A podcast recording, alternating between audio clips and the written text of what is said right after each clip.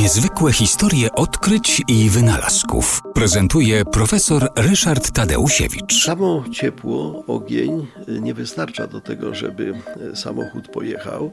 Na to, żeby y, napęd uzyskać, trzeba było powiązać dwa zupełnie wydawało się odmienne światy.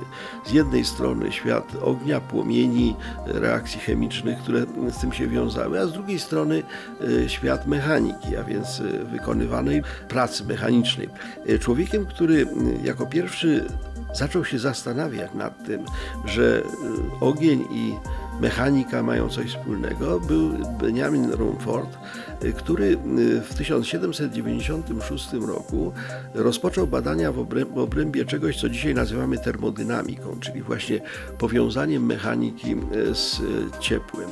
Y, To była zresztą bardzo ciekawa sprawa. Benjamin Rumford był inspektorem królewskim zakładów y, zbrojeniowych i pewnego razu, y, zwiedzając fabrykę armat, oparł się o lufę takiej właśnie nawiercanej armaty i oparzył się, gdyż proces wiercenia otworów y, tym odlewie lufy armaty wytwarzał dużą ilość ciepła. On się zaczął zastanawiać nad tym, co ma wspólnego wiercenie z ciepłem, skąd się wzięło to ciepło, przecież nie było żadnego ognia i po odpowiednich badaniach wykrył, że rzeczywiście praca mechaniczna może być zamieniana na ciepło, a ciepło może być zamieniane na pracę mechaniczną.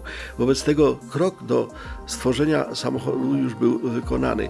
Co ciekawe, y, Benjamin Rumford również wyjaśnił w ten sposób, y, czym są meteoryty, czym są spadające gwiazdy, dlatego że właśnie y, jego hipoteza, prawdziwa hipoteza była taka, że jakieś bardzo szybko poruszające się ciała niebieskie, wchodząc w atmosferę ziemską, poprzez tarcie o y, powietrze, rozgrzewają się do takich temperatur, że widać tą spadającą gwiazdę, widać ten meteoryt.